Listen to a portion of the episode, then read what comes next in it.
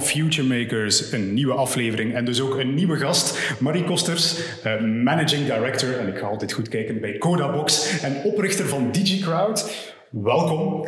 Om te beginnen uh, is er altijd onze vaste openersvraag. Hè. Wat heeft u destijds geïnspireerd om te ondernemen? En het is eigenlijk nog niet zo lang geleden, heb ik goed begrepen. Nee, ik ben uh, zelfstandig geworden pas drie jaar geleden, maar uiteindelijk zat het wel al in de genen. Ik ben opgegroeid in een ondernemend gezin. Uh, mijn vader is tuinaanlegger geweest, uh, nog altijd. En uh, hij was een, had een eenmanszaak, bewuste keuze, niet te groot groeien. Maar dan wel als gevolg dat thuis de, telefoons de telefoon rinkelde en er was eigenlijk niemand dedicated om de telefoon op te nemen. Neem daarbij dat daar Engelstalige en Franstalige klanten bij waren. Mm. En als de telefoon rinkelde, dan ging mijn moeder rap naar de keuken. Mijn broer en mijn zus die kropen ook ergens in een hoekje. En de enige die de telefoon durfde opnemen was ik. En uiteindelijk de klik van, yes, dit is echt wel uh, klant is koning aanpak heb ik gemaakt omdat mijn vader zoiets op een avond thuis kwam en zei van... Zeg, um, die klant zei dat ik een goede secretaris zei van, yes, I can do this. Dus uh, op die manier dacht ik van, ja, ik kan wel klanten helpen, ook al kan ik geen tuin aanleggen. Ik kan soms wel de vraag bekalmen, want typisch in de paasvakantie of in de paasperiode wouden mensen hun tuin klaar tegen Pasen. En typisch mhm. was mijn vader dan vol aan bak aan het werken op andere tuinen. Dus op die manier moest hij dan kalmeren en zeggen, ja, ja, je komt in de planning, het komt wel goed. Dus dat was uh, de klik daar. De, ja. de, de, goede planner is uh, onmisbaar, vind ik, in een, uh, in een onderneming. Ik heb ja. zelf ook een co-founder die daarmee bezig is en ik kan die jongen niet genoeg appreciëren voor het werk dat hij doet. Om misschien dan het plaatje volledig te maken, hè, daarna bent u wiskunde gaan studeren. En ik zou zeggen, misschien het klassieke plaatje, de wiskundige die dan de fintech-sector intrekt. Of, of hoe is dat precies gegaan eigenlijk? Klassiek was dat niet, hè? want ik denk, uh, ja, ik ben uh, geëindigd in, uh, in, als licentiaat wiskunde in Gent met een stuk of acht mensen in mijn klasje toen. En de meeste zijn in het onderwijs gegaan. Typisch, je mm -hmm. volgt aggregaat, je gaat in het onderwijs. En ik was zo'n beetje de vreemde eend in de bijt, omdat ik in de privé ging. En ik denk, ik herinner me nog, op, in april werd ik gebeld uh, door een firma naar aanleiding van een, een kleine um, aankondiging in, in, het nieuwsblad bij JobAd noemde dat toen. En ik had eigenlijk een, een, contract getekend al voordat ik afgestudeerd was. En dan moest ik een begindatum kiezen. Ja, je hoopt dat je erdoor bent, maar je bent niet zeker. Dus ik had van op 1 augustus zou ik wel kunnen starten, maar we zien wel. Ja. En dan, ja. Dus dat was wel fijn. Ja. Oké. Okay. En, en dus dan uh, begonnen, als ik het op LinkedIn goed gelezen heb, als test-engineer. Ja. Uh, uiteindelijk in managementkringen terechtgekomen. Hoe, hoe is die evolutie? Hoe, hoe, heb je die evolutie eigenlijk zelf ervaren? Hoe, hoe is dat gegaan? Zeer boeiend en dankbaar. Ja, ik ben gestart als... Ik, ik kan nu met fierheid zeggen in mijn team soms van ik heb ook nog gecodeerd. Hè. Ik mag het me codeur noemen, want ik heb het zelf geweest. Ja. Dus ik ben gestart echt als developer. En ja, op zijde dat fintech nog niet bestond. Het woord werd zelfs nog niet genoemd. Ja. Mm -hmm. um, en ja, als developer, wat mocht ik doen? Ik mocht een smartcard uitlezen en de simkaart van een mobile phone. Dus dat was top-notch technologie toen. Ja, en die modellen gaan uitlezen. En die modellering was wel tof, want dat was een directe link met, uh, met de logische redeneringen dat je in de wiskundeopleiding gezien had. Dus dat was wel logisch. Ik ben geen programmeur van opleiding, maar ja, als je logisch denken en gezond boerenverstand kunt toepassen, denk ik dat je heel, heel ver komt in die wereld. Inderdaad. Ja. Uh, ik probeer soms mensen ook programmeren aan te leren. Dan zeg ik ook altijd van, geen zorgen, je moet geen wiskundige zijn. Want dat, dat schrikbeeld is mij destijds aangepraat van, word ja. geen programmeur tenzij dat je een absolute krak zit in wiskunde. Ja. Dat bleek wel nog mee te vallen, want ik heb niet zo'n krak in wiskunde.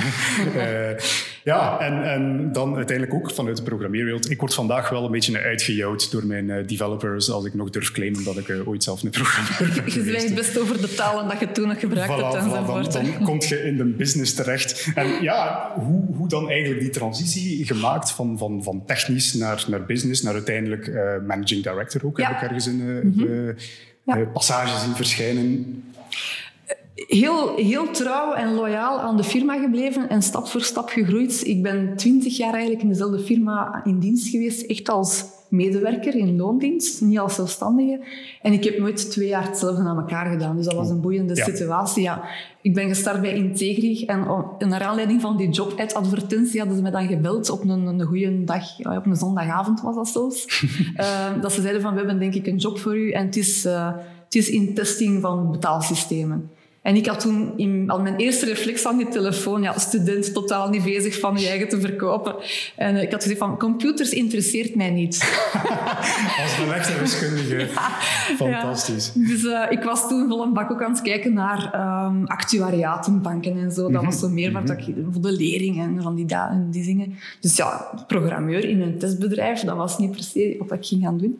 Uh, maar die zei van, denk er toch maar eens over na, het zou een boeiende job kunnen zijn.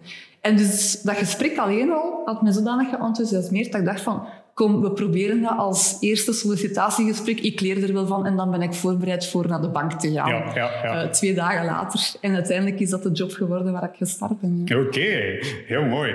Um, ja, u, u, u, bent toch gestart. Het, het, is grappig dat u zegt, een beetje als vreemde eend in de bijt, als wiskundige dan de privé ingetrokken. Ik denk dat het vandaag de dag wel al een beetje anders is. Ik hoor toch vaak dat de wiskundigen gegeerd goed zijn onder onder andere de, de fintech-bedrijven. Ja, ja. ja u, u, bent dus van de jaren 2000 in de fintech-industrie terechtgekomen. We zijn nu anno 2021, corona doet dus soms wel de jaren wat uh, vervagen, 2021 geworden. Ik kan me inbeelden dat u die industrie wel enorm heeft zien evolueren over het afgelopen jaar. Ja, zoals ik zei, gestart met simkaarten van gsm's uitlezen. Dat is echt wel prehistorisch als je er nu aan denkt. Ja. En dan ja, is het heel snel gegaan. Hè. Um, zeker in de betaalwereld. Ik kom uit de betaalwereld. Uh, Integri is dan um, overgekocht door Clear2Pay. Mm En in Clear2Pay hebben we echt wel de wereld zien opengaan en in hun stroomversnelling zien komen. Wij zaten daar met ons testsoftware. We werden overgekocht door Clear2Pay. Dat was een beetje een bizarre match. Maar het heeft ons wel geholpen om echt internationaal door te breken. Mhm. Ehm, en met die betaalsystemen werd het echt nog eens duidelijk dat we vol een bak op automatisatie moesten inzetten. De bricks and mortar shops werd de e-commerce eh, wereld. En dan gingen ze omnichannel moeten doen. Dus die evolutie ging heel snel. Dus het was constant bijbenen met onze testsoftware om te zorgen dat we van echt GUI-testing en dan de, de, de streams testen naar echt de API-testing konden evolueren. zoals constant uh, achter, achterhollen, als je het zo kan noemen. De, de niet-technische luisteraar vraagt zich nu misschien af, wat is dat hier met al dat testen, uh, waarover wordt hier gesproken. Maar natuurlijk, als het gaat over digitaal en betalen, dan willen we natuurlijk ook wel zeker weten dat die systemen goed blijven werken. Vandaar dus uh, het absolute belang van testing daarin. Oké, en vandaag de dag managing director van Codabox, om te beginnen. Mhm ook een, laten we zeggen, start-up. Mogen we nog spreken van start-up? Of welke, welke term plakken we daaraan tegenwoordig? Het zit echt tussen start-up en scale-up, denk ik. Maar laat ons dus, de aanpak is soms nog start-up. Ja, We lanceren diensten echt met een... Uh, een, start-up state of mind. Oké, dat is het belangrijkste. Kan je eens toelichten, wat, wat doet Codabox ja, wat, doet, wat, wat, doen jullie ergens? Hoe, hoe, moeten we jullie kennen misschien? Codabox doet niks, maar we hebben een missie. Hè. Mhm, De oh. missie is echt digitale data bij de accountant brengen op een heel efficiënte manier. Omdat we zien van, ja, data, je kunt het overal wel verkrijgen. Het is niet altijd soms eenvoudig. De bronnen moeten betrouwbaar zijn. Dus er is echt wel een, een, een markt om een partij te zijn, en dat is Codabox die op een betrouwbare manier, op een veilige manier datastromen opzet naar de boekhouders, accountants zoals we ze noemen. Mm en heel belangrijk daar is, ja, welke data hebben die nodig? Rekeninginformatie, zichtrekeningen, spaarrekeningen. Ook loonfiches, loondata van de Sociaal Secretariaten gaan we ophalen. En nu recent hebben we een nieuwe dienst gelanceerd als kredietkaartafschriften digitaal bij de boekhouder afleveren. Oké, ehm, en dan spreken we echt over volledig digitaal geautomatiseerd. Yes, ja, heel belangrijk. Dus Colabox het één stukje. Wij brengen de data al digitaal bij de accountant. En dan ja, hangt het een beetje af hoe ver dat de accountant al in zijn digitalisatieproces staat. Dan drukt hij dat af en dan steekt het in zijn foldertje. Nee, nee, nee. maar er zijn, nog, er zijn nog manieren dat ze het moeten downloaden en dan uploaden in hun systemen en dat het nog niet volautomatisch gaat. Dus Codabox leeft ook van het partnernetwerk. Wij, wij hangen af van de accountancy software die onze data al dan niet automatisch kan integreren en importeren. En dat is eigenlijk de meerwaarde dat we dan bieden. Dus we zijn een stukje van de ketting Um, en dat maakt wel dat we een, een tof partnernetwerk hebben en, en nodig hebben om, om, onze meerwaarde te bewijzen. Ja, dat kan ik alleszins geloven. Dus om uh, de vaste luisteraars, die weten misschien al, ik heb een achtergrond in artificiële intelligentie. Ik heb ook een bedrijfje in artificiële intelligentie. En een van de zaken waar wij mee bezig zijn, is ook documentverwerking. Ja. Uh, een probleem waar dat wij eigenlijk een beetje opgestuurd zijn, zeg maar. Mm -hmm. Dus we zijn een dienstenbedrijf. Wij, wij gaan zo individuele projecten bij bedrijven gaan doen. En plots begonnen we overal te horen van zeg, kun je niet iets doen aan al die documenten die we er binnenkrijgen? Want dus het grote probleem, en ik, ik was enorm verheugd, uh, ook al is het eigenlijk een beetje concurrentie voor wat wij doen, om het te lezen dat u sprak over, ja, veel bedrijven zijn digitaal tussen aanhalingstekens gegaan, maar het zijn dan eigenlijk gewoon nog pdf's in, uh, in, in e-mails die toekomen. Pijnlijk, hè? En ja, dus de, de, de meeste bedrijven zullen nu misschien iets hebben van, oeh, wacht, dat is toch hetgeen dat we moesten doen. Hè. We hebben al de papieren weggedaan. Wat, wat is het probleem precies met pdf's? Kan u misschien even, even toelichten wat daar... Uh... Met plezier, een half uur. ja, een pdf... Elk formaat is anders. Hè. Um, wij zijn vol een bak aan het inzetten op de digitale facturatie in België. Um, en wat dat we zien is, ja, mensen denken inderdaad of claimen digitaal te zijn door naar pdf te gaan.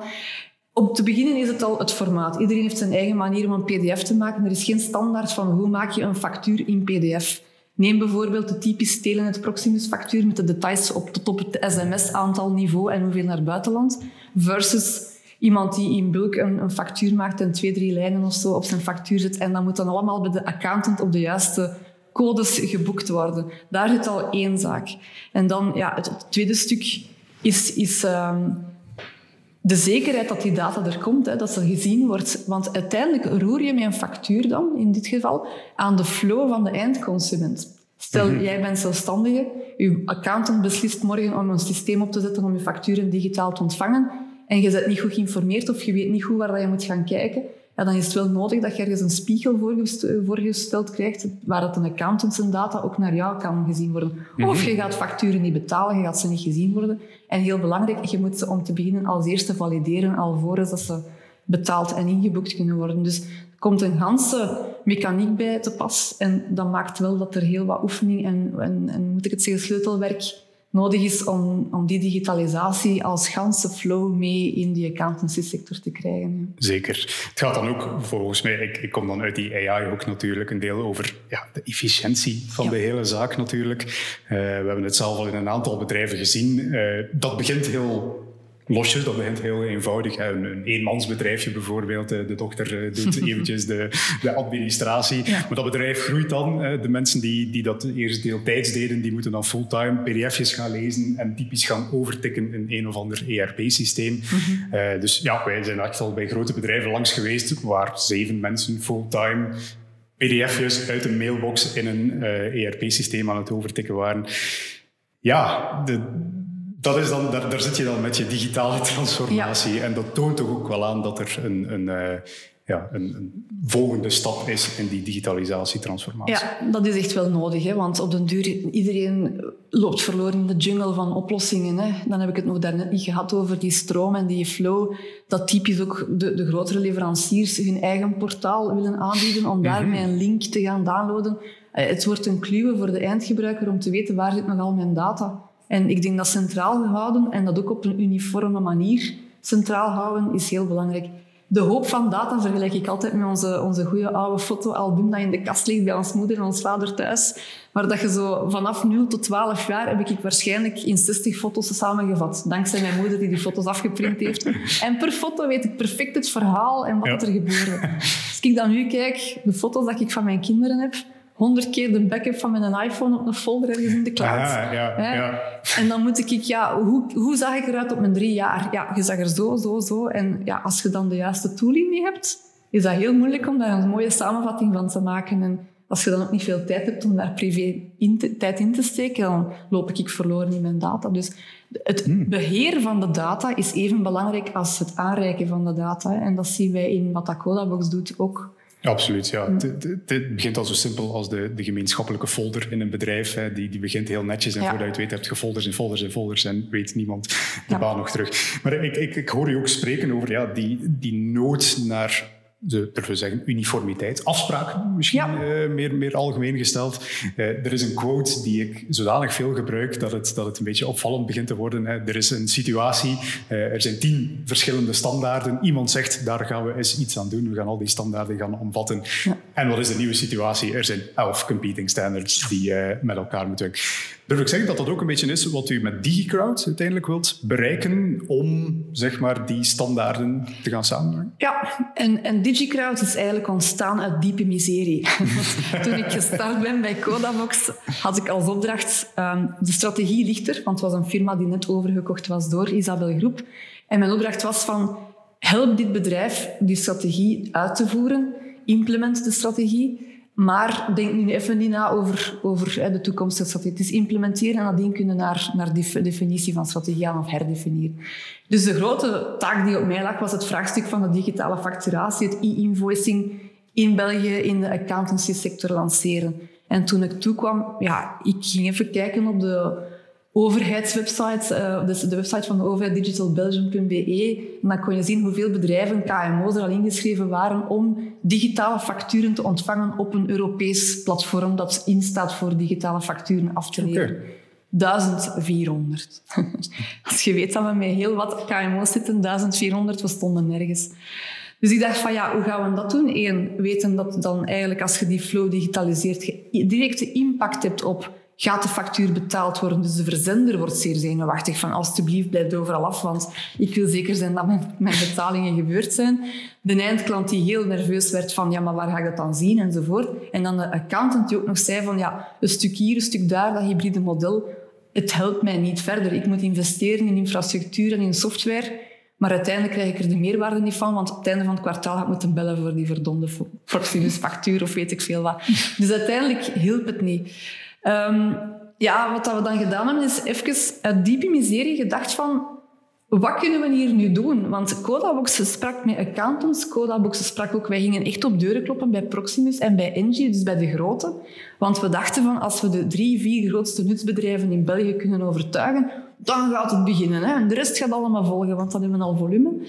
Um, dat leek allemaal zo simpel niet. Dus in november 2018 zat ik bij Proximus en Engie aan, aan het station Brussel-Noord. En uh, gans een uitleg gedaan. Ze zeiden, top idee Marie, maar is de accountant er klaar voor? Ja, wij naar de accountant zegt, beste accountant, kun je een keer meekomen naar Proximus en Engie en die mens overtuigen en zekerheid geven dat die factuur wel degelijk gaat gezien worden, gaat gevalideerd worden en betaald worden klein groepje opgezet. Ja, dat bleek te pakken. En dan dachten we van, tja, hier moeten we meer uithalen. Want die, dat zijn twee communities die eigenlijk elkaar nooit vinden. Oké. Okay. al de verzenders, ja, al de verzenders, dat is van de bakker en de beenhouwer die een facturet gebruikt ten opzichte van een koolruit enzovoort. Dus je moet daar een spreidstand maken om al de leveranciers te vinden, terwijl wij waren gewoon met de diensten van Codabox Coda ophalen. Ja, je hebt 18 banken in België en je hebt een span van 90% van de data die je moet hebben. Hetzelfde met die, met die loonfiches, 35 sociaal secretariaten. Je hebt de coverage in België die je nodig hebt. Facturen, nog ja. pas eraan. Ja. Een paar honderdduizend KMO's in België en grote bedrijven. En dan nog het internationale aspect er ook bij. Geen evidentie. Dus uit, op een gegeven moment zaten we echt bij Isabel Groep. Ik ga nooit vergeten waar dat zaten in de zeteltjes verkoopsdirecteur, de man van product en echt zo'n verkoper die gaan, gaan, gaan. Zo, echt een hunter. Zo. Uh, we zaten daar met ons vier en we zeiden, maar hoe gaan we dat hier oplossen? We moeten dat hier in gang krijgen. En we gingen er al charity bij halen, want als je goed kijkt, DigiCrowd is opgestart uh, op 14 februari 2019.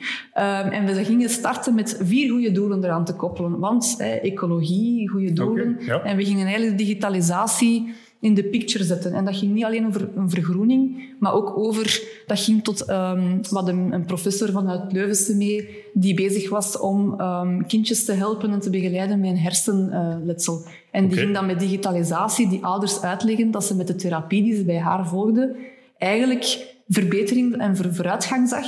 Maar je kon dat niet altijd aan het kind al zien, maar wel door de hersenactiviteit te digitaliseren. Oeh. En dat zijn zo dingen waar dat we eigenlijk wel wouden aan meewerken. En we dachten, oké, we gaan voor een heel ambitieus plan. Op één jaar tijd schrijven we 100.000 KMO's in op dat fameus digitaal platform, het noemt Peppol. En voor elke KMO die zich inschrijft, geeft Codabox 1 euro. Okay, ja. aan, die digit, aan die charities, ja, aan die goede doelen. En uiteindelijk, zelfs met zo'n mooi opzet, zijn we er niet geslaagd. Het kwam nog niet op gang.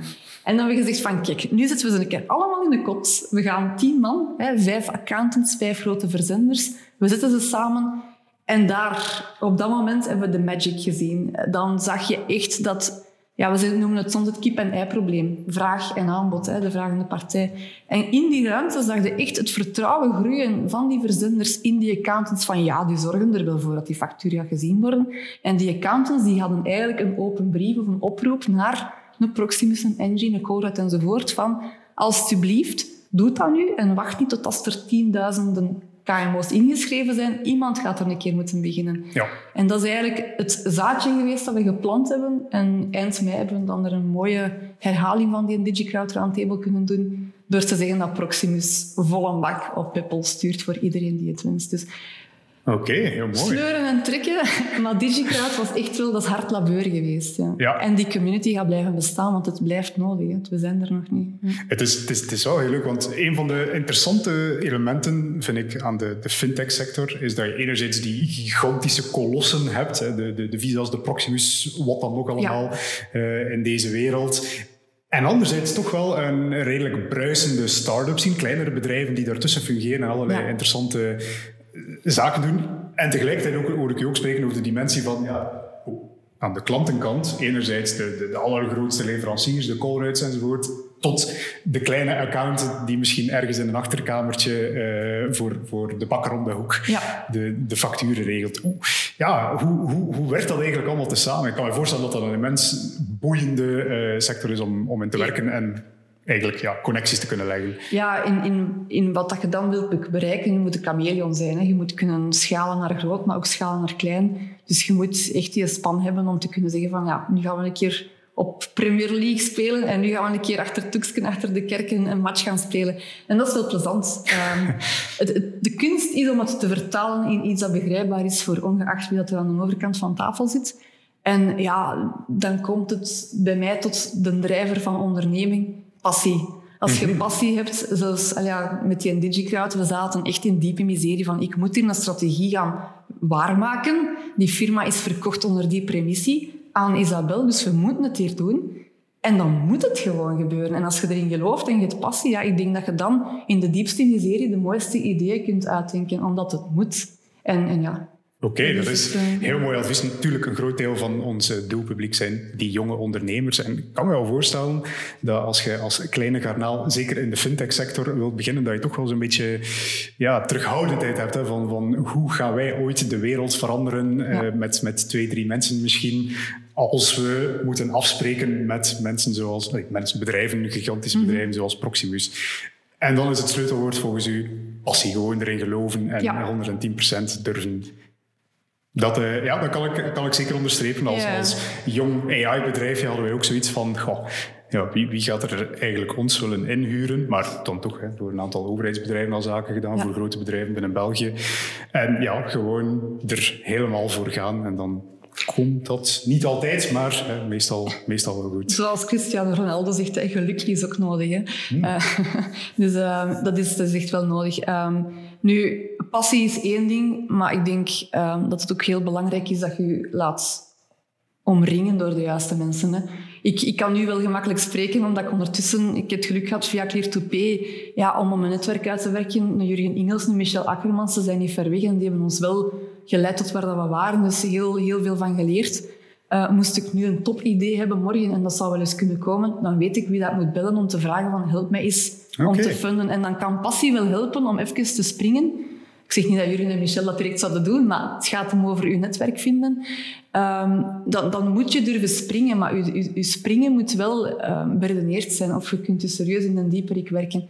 En ja, als, als junior ondernemer, als starter ondernemer, durf te springen, zou ik zo zeggen. Maar probeer toch wel dat op een beredeneerde manier te doen, dat je er vijf jaar later geen spijt van hebt. Ja, probeer dus zo snel mogelijk. En ja, ik, de vorige gast zei het ook inderdaad, de power of network is daarin eh, soms toch wel heel, heel erg belangrijk. Ja, ik kan me voorstellen als je iemand kent zoals Jurgen Engels, dat hij wel eens relevant advies kan geven Ja. aan wat dat je moet doen in de, in de fintech-wereld. Absoluut. Oké. Nu, um, een van de quotes die ik ben tegengekomen terwijl ik wat research aan het doen was, is, uh, ik ga eventjes aflezen, hè, drie teams, een Belgisch, een Schots en een Amerikaans, die allen vanuit uh, acquisities bij elkaar zijn terechtgekomen, samenbrengen tot één team. Dat, dat vond ik enorm interessant al. Kan, kan, kan je schetsen van wat was de context waardoor ja. dat die drie teams te samenkomen? En dan natuurlijk ook, hè, hoe, hoe, gaat dat allemaal in zijn werk om die uh, te samen te krijgen? Ja, met plezier. Ja, dus ik denk dat je het al door hebt. Hè. Ik heb eigenlijk um, in de managementrollen, ik ben erin gegroeid. Ik heb geen opleidingen of dure, weet ik veel, wat cursussen gevolgd. Maar het, het mooiste wat er mij toch wel overkomen is, is toen dat Integri overgekocht was door Keer2P. Mm -hmm. um, waar het dan de CEO van Integri op dat moment op een gegeven moment zegt van ik geloof niet meer in de testingbusiness. Ik, ik zie hem nog op de kast zitten op een vrijdagavond. Ik was nog aan het op de planningen of weet ik veel wat al kan doen was. En ik zeg, maar ik geloof er wel nog in. En uh, hij zei, oh, wel, dat is goed nieuws, want dan kun jij die business unit binnen P gaan verder doen. Dus zo is het eigenlijk gestart. Maar de moeilijkheid was, en, en dat is toch wel iets dat ik aanraad voor firma's die kopen, maar ook voor kleine ondernemingen die gekocht worden, zorg dat als je een, een acquisitie doet of een overname, dat er een plan is. En dat was een beetje de moeilijkheid bij Integri binnen Clear2P. Mhm. We wisten niet waarom dat we gekocht waren. Een testbedrijf, chic betaalsoftwarebedrijf met een Porsche, een flagship eh, product, dat, dat in grote banken ging gaan en wij dat met ons kleine testingtooltjes. Oké, okay, wat een Mastercard als klant, maar dat was het ook. Um, dus dus dat, die fit was er niet. En we voelden ons eigenlijk niet echt zo serieus genomen binnen Clear2P. Mm Tot op het moment dat Jurgen, Engels 50 miljoen ophaalt bij een Amerikaanse investeerder en dat er 10 miljoen aan de testingbusiness binnen Clear2P uh, okay, toegewijd ja, wordt. Dus ik was super blij. Eindelijk kon ik aan mijn team tonen dat ze wel in ons geloofden. Ook al kon ik dat honderd keer herhalen, ja, zo'n signaal is sterker dan honderd woorden. Hè. En ik kreeg de opdracht om eigenlijk te shoppen in de markt. Koop je concurrenten, maar doe het wijs. Um, je moet minstens één firma kopen, dus zeker twee. Ja. Zorg dat je geografisch groeit en zorg dat je morgen niet komt aankloppen dat je zelf iets nieuws gaat bouwen, want je mocht het gaan kopen. Dus hè, om onze portfolio uit te breiden, moest ik het gaan kopen en niet zelf gaan bouwen. Wat dat... Oké, okay, dan moeten we even bekijken wat er bestaat in de markt. Uiteraard ga direct naar je eerste concurrenten, je direct uh, competitors. En wat bleek? Schots bedrijf, volledig compatibel of moet ik het zeggen, complementair met wat dat wij al hadden. Dus we gingen geen pijn aan elkaar van uw product is beter dan dat van mij. Nee, het ging mooi naast elkaar staan. We konden eindelijk aan de vraag voldoen van onze bestaande klanten, want die hadden een ander product al ik weet niet hoe lang, maar we hadden niks. Dus dat was plezant. Dus dat was het eerste stuk. En dan het tweede was geografisch de plas over Amerika. Ja. Waar zat dat testbedrijf dat het meest in onze, in onze winkel paste? Ja, negen uur naar links opschuiven. Dus die werden wakker als wij gingen gaan slapen, met manier van spreken. Dus dat was geen evidentie. Maar de due diligence, dus echt gaan kijken van wat is de technologie, wat zijn de mensen enzovoort, heeft mij heel veel geleerd. En ik moet zeggen, ja, je kunt geen betere leerschool hebben dan dat. Hè. Dus die twee firma's overgekocht. Je komt daar eigenlijk binnen als de koper. En het, het jammere eraan is, en dat is echt een les wat ik geleerd heb, is er was geen plan.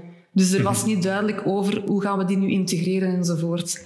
Het kwam zelfs zo ver dat er beloftes gemaakt waren dat een van de CEO's de business unit van testing ging overnemen bij Clear2P. Dus op dat moment had ik zoiets van, en dat is echt wel authentiek blijven aan uw waarde. Ik dacht van, oké, ik plooi terug. Die CEO moet hier een tijd uitzitten en die zal hier de baas van mij zijn en ik doe het wel.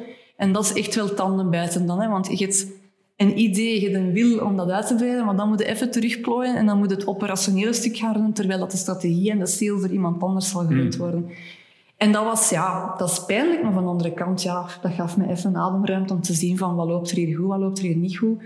Um, en x aantal jaren typisch de CEO vertrekt en dan komt er terug zuurstof in de, in de keet en dan kunnen we terug gaan verder bouwen. Hè. Um, en dat heeft mij wel de mogelijkheid gegeven, het geduld en eigenlijk niet de pretentie hebben om daar de baas te willen van blijven zijn, maar echt het geduld en de pretentie apart te zetten en echt terug deep dive in, in het operationeel te gaan, heeft mij geleerd om nadien dan die drie teams samen te brengen en ja, after all, gerechtigheid geschiet, hè, heb ik dat wel mogen doen. En ehm, zo, zo, duidelijke culturele verschillen. Ik vraag me dan of ze Schots, uh, Belgisch, Amerikaans, oh, ja. hoe, Alleen al de taal. Hè? Ja, de, uh, ze kunnen moet, allemaal Engels, maar... Ja, als er twee kamers verder op tv een aan het praten is, ik heb het gehoord. Superzalige mensen om met te werken, maar pokerface. Net ah, zoals de typische Britten. Hè. Um, ja, ga een sales pitch doen of, of ook intern iets gaan verkopen van we gaan change doorvoeren. Hè. Dan moeten toch wel je mensen mee hebben. Dus je wilt niet weten hoe dikwijls ik op je vliegtuig gezeten heb om in Schotland het verhaal face-to-face te gaan doen van mm, kan ik u lezen? En uiteindelijk nee, als je face-to-face bij die mannen zit, als ze interesting zeggen, is het niet interessant geweest. Hè? Maar dan hebben ze er hun mening over en durven ze het eigenlijk niet zeggen, want je zit een baas. Ja. En als het interesting is, dan is het eigenlijk fuck off, ik heb er geen zin in. Ja? Uh, in Amerika is hetzelfde, amazing and you're the best enzovoort. Ja. En van, yes, binnen de twee maanden is dat spel hier geïntegreerd in, ons, in onze operationele business. Niks van, hè. Dat was eigenlijk de grote dikke middenvinger, dat ze achter je rug opstaken. Maar dat weten maar door te leren en te doen. Hè. Uh, maar heel mooi team gekregen. Ik had, het managementteam is uiteindelijk, dat ik gevormd heb, was echt een mooie mix van de drie culturen. Uh, je wist dat Schotland was heel goed in product en operationeel. Die hadden hun babytje heel mooi. En hè, die wisten, en dat, dat, kwam dan uiteindelijk ook zo. De, de, man die operationeel alles ging gaan leiden, kwam uit Schotland. De man die de mhm. verkoop ging doen, was een mix van Amerika en België. Allee, ja, dat was okay. cultuurgewijs. Ja. Was dat logisch dat je die mensen op die plaatsen zet. En ja, dat heeft mij heel veel inzicht in de wereld doen geven. Ja. Dan ben ik ergens ook wel benieuwd hoe dat wij Belgen dan daar ervaren worden eigenlijk. Hoe... Um, ja, compromissen. Hè. Ah ja, ah, Comprom okay, ja. Belge. Dus uh, moeilijk uh... beslissingen durven nemen, denk ik. Uh, ook de durf, het lef. Terwijl Amerika, wow, ja. hè, die vonden ons producten geweldig. En die zeiden, kom, we brengen die overal. Dat moet naar Amerika, maar niet alleen in Amerika, maar ook naar Australië. Weet ik, hoe rustig. en, en ik denk dat dat een beetje het pijntje is van de, de beauties van de fintech in België. We hebben een heel mooie fintechs in België, of start-ups, sorry. Um, maar de durf om wow, volledige span wereldwijd. Dat is jammer dat die dan opgekocht moeten worden door Amerikaanse VC's of weet ik veel wat. Ze zouden beter eens rondkijken. We hebben in België zo'n mooie investeringsfondsen in fintech, die dat ook kunnen optillen tot wereldwijd. En die mhm. ook ervaring zitten hebben in boardmembers die potentieel daar kunnen uit voortkomen om internationaal te gaan. En, en ja, dat wordt niet genoeg benut, vind ik. Dat is een beetje zo'n wereldje apart, heb ik de indruk. Als jonge ondernemer moeilijk, denk ik, om daarin te geraken. Uh, ik zeg het, ik kan het nu wel gemakkelijk zeggen omdat ik mijn, mijn, netwerk heb, maar ik denk als starter dat het moeilijk is om, om daar een weg naartoe te vinden. En misschien hè, ook, ook voor onze doelgroep rechtstreeks advies daar rond. Hè. Stel ik wil iets beginnen in de fintech, waar, waar moet ik ergens gaan aankloppen om te beginnen? Om dus misschien ook wijd en breed overal verspreid te kunnen geraken? Ja, ik denk dat je vooral um, om te beginnen een heel goede presentatie moet hebben. Twee slides, want de mensen die typisch in je bedrijf gaan investeren... Oeh, twee slides zelfs. Attention span van vijf minuten en als je het niet gehaald hebt, dan is het uh, niet oké. Okay. Ik denk, ja... Um, sla uw, uw, uw tentakels uit. Hè. Momenteel LinkedIn, supermooi netwerk. Absoluut. Ik denk dat je daar moet via via redelijk snel kunnen daar wel de juiste mensen vinden. En trek je stoute schoenen aan. Ik, met DigiCrowd heb ik het ook gedaan. Hè. Mensen die ik totaal niet ken, baf, een one-liner, invite, connecteer alstublieft op LinkedIn. En daar komen heel mooie gesprekken soms uit. Soms wordt het niks, maar er zit wel wat kwaliteit in. Dus ik denk, als je echt geen netwerk hebt, ja, zoek dan in zo'n netwerken en probeer wat te volgen over publicaties van VC's. Er zijn genoeg fintech uh, investeerders momenteel die toch wel lawaai maken van we hebben een beurs of we willen okay, iets van zoveel miljoen. Ja, spreek die aan. Durf dat gewoon. Uiteindelijk zijn dat ook maar gewone mensen die ook meestal klein begonnen zijn als codeur of weet ik veel wat. Uh, en terug niks denigrerend naar programmeurs, maar ik zeg het om, omdat ik het mag, denk ik. um, maar dus ja, en, en ja, iemand die interesse heeft, mensen zoals ik, ik kan wel de tussenbrug zorgen voor ja, maken naar andere belangrijker figuren dan ik. Ja. Met meer centen in zakken dan mij. Opnieuw dus, ik ken de juiste mensen. Uiteindelijk, ja, wij hebben elkaar ook gevonden voor dit programma via een tussenpersoon, via Wim, die, die bij ons, ik denk, geconnecteerd is met heel België. en, en, als wij dan vragen van, zeg, eh, Wim, kende jij geen interessante mensen? Dan krijgen wij plots een uh, lijst van honderd uh, namen dat we dan kunnen doorspitten. Dus dat is ja, absoluut een, een enorm krachtig, krachtig iets om zo'n zo netwerk te kunnen aanspreken. Nu, om, om terug eventjes dan terug te gooien op die, die, ja, die fintech-wereld. U zegt het zelf, van ja, wij als Belgische spelers misschien een beetje een, een rare positie. Hè? Want enerzijds hebben we wel een redelijk bruisende fintech-startup-industrie. Anderzijds zijn we toch ook een beetje bescheiden. Hoe, hoe, moeten we dat eigenlijk zien in die brede wereld? Is de naam België uh, gekend in Europa en de wereld? Of is dat zo? Jammer genoeg nog... niet. Brussel is bekend. okay, ja. als, je, als je ergens komt en Brussel, ja, België, mm, nee, dat kennen we niet. Hm. Um, ja, is dat next to dus, Brussels? Uh, ja, ja, ja, ja. um, ik, ik denk, ja, we hebben wel wat geluk gehad ondertussen, dat er toch wel wat mooie acquisities gebeurd zijn. België krijgt wel wat naam.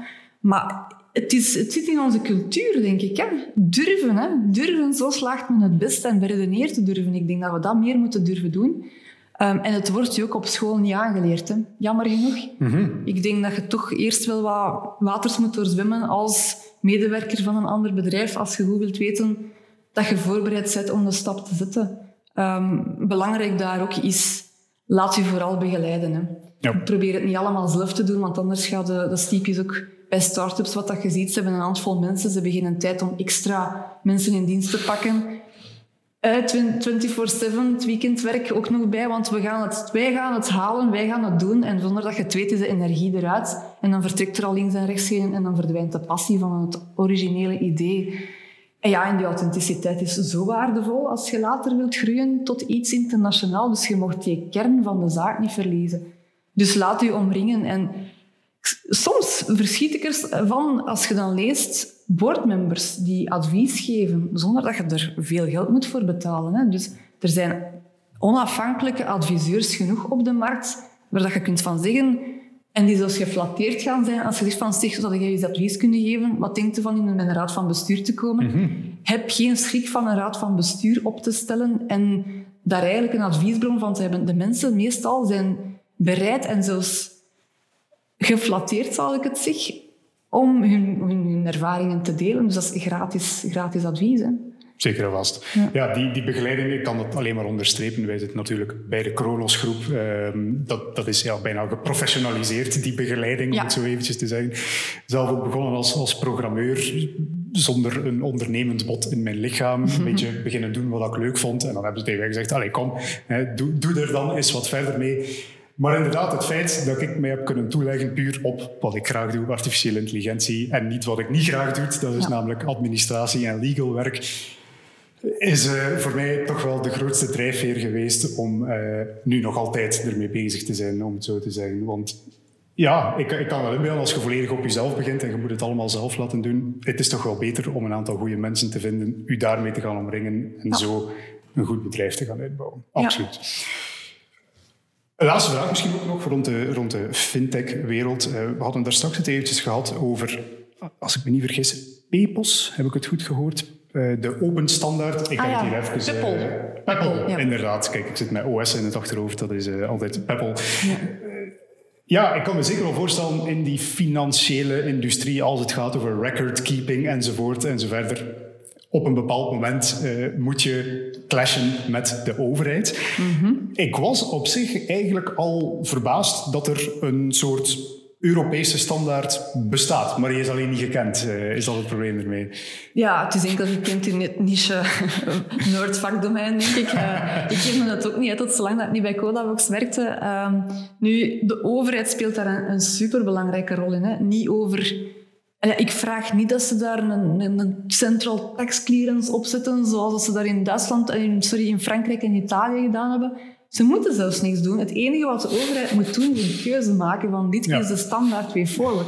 En zelfs nog maar het uitspreken en het niet doen, zou soms al kunnen helpen, jammer genoeg. Um, maar ik moet wel zeggen, uh, de laatste twee jaar, de Vlaamse overheid heeft toch wel serieus ingezet. Um, ze zijn begonnen in 2018, denk ik, om het te verplichten dat als je een leverancier bent van de overheid, verwachten ze de factuur digitaal. Okay. Op Peppel. Dus dat is een begin. En wij vanuit Codabox zijn eigenlijk beginnen kijken van welke leveranciers leveren al aan de overheid, want dan weten we dat ze die language al spreken. Aha. En dan kunnen we aan die deur gaan kloppen om te zeggen, zeg, het is niet alleen in uw segment B2G, dus business to governance, government, maar ook B2B, dat je dat kunt toepassen. Ja. Wist je dat? En velen trekken eigenlijk hun ogen open van, hartje, ja, er is ook een markt voor. en dus op die manier hebben we die gaan ontdubbelen.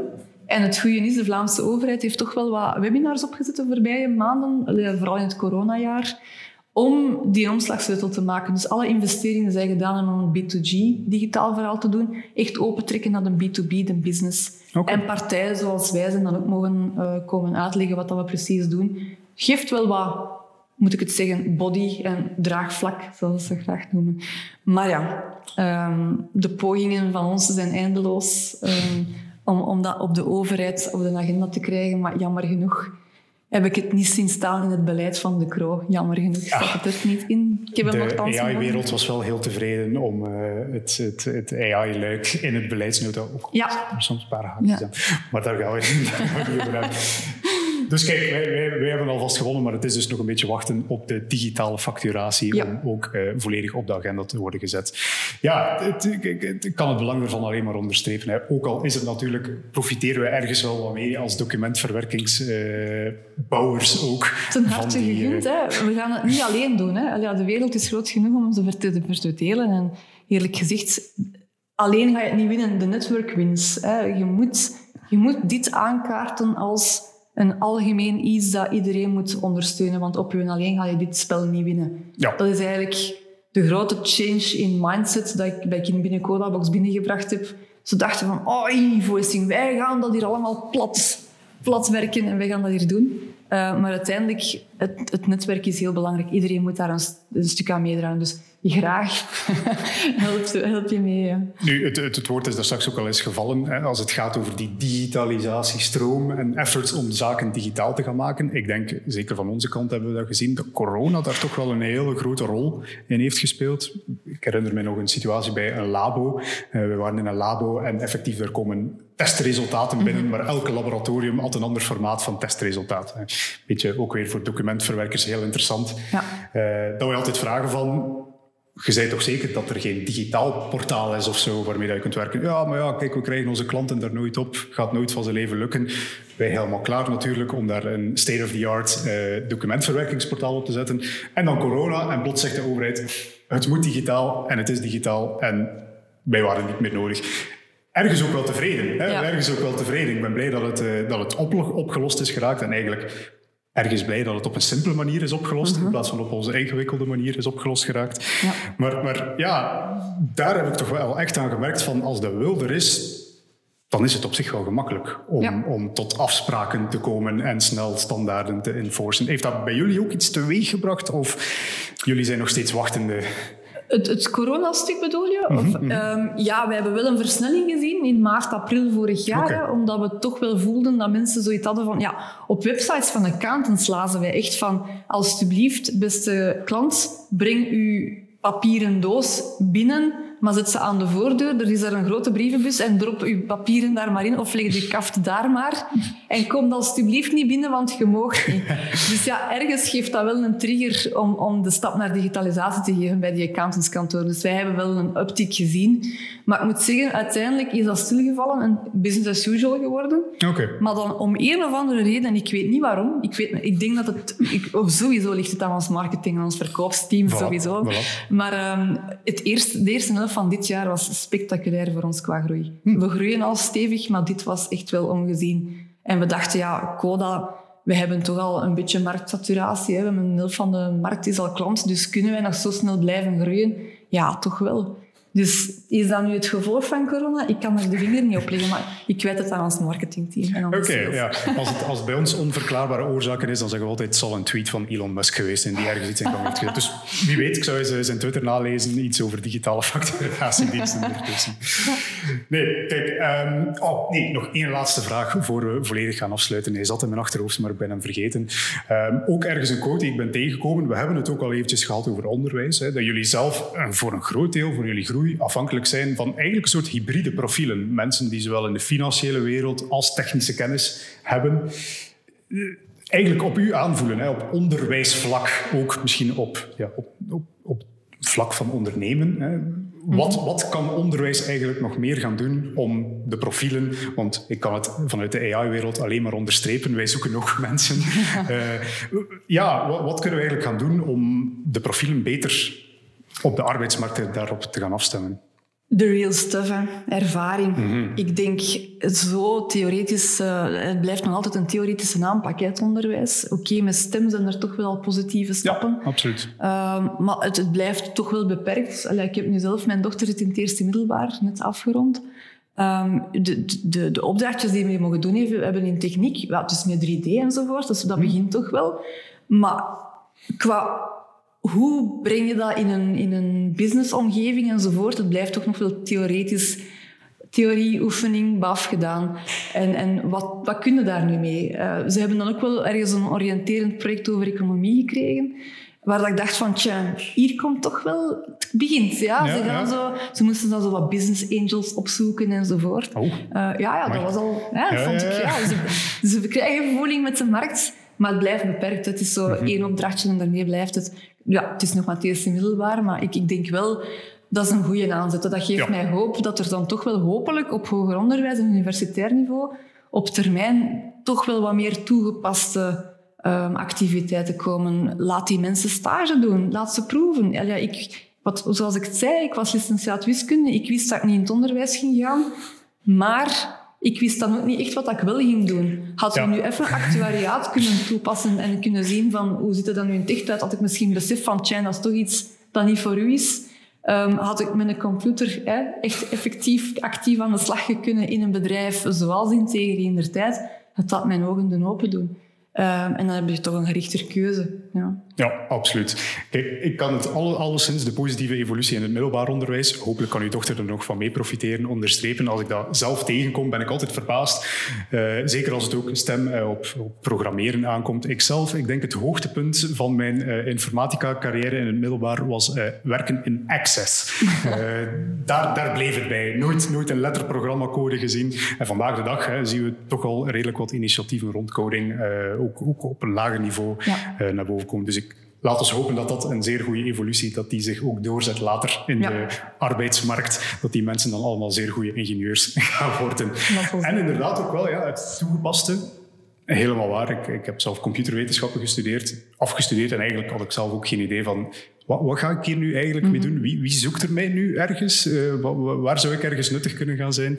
En dan pas met te beginnen werken als willekeurige programmeur geleerd van, ah, zo zitten de zaken in elkaar, zeg maar. Je moet ook kunnen presenteren. Je moet ook uh, ergens een keer aan uw manager verslag kunnen afleggen over wat je gedaan hebt. En ja. ja. dat is toch wel iets dat ik nooit aangeleerd heb gekregen. Hopelijk misschien in de toekomst uh, komt dat er ook nog bij. Om af te sluiten hebben we ook een vaste vraag altijd. Een groot deel, zoals gezegd, van onze luisteraars zijn jonge ondernemers. Misschien dan rechtstreeks op de man af.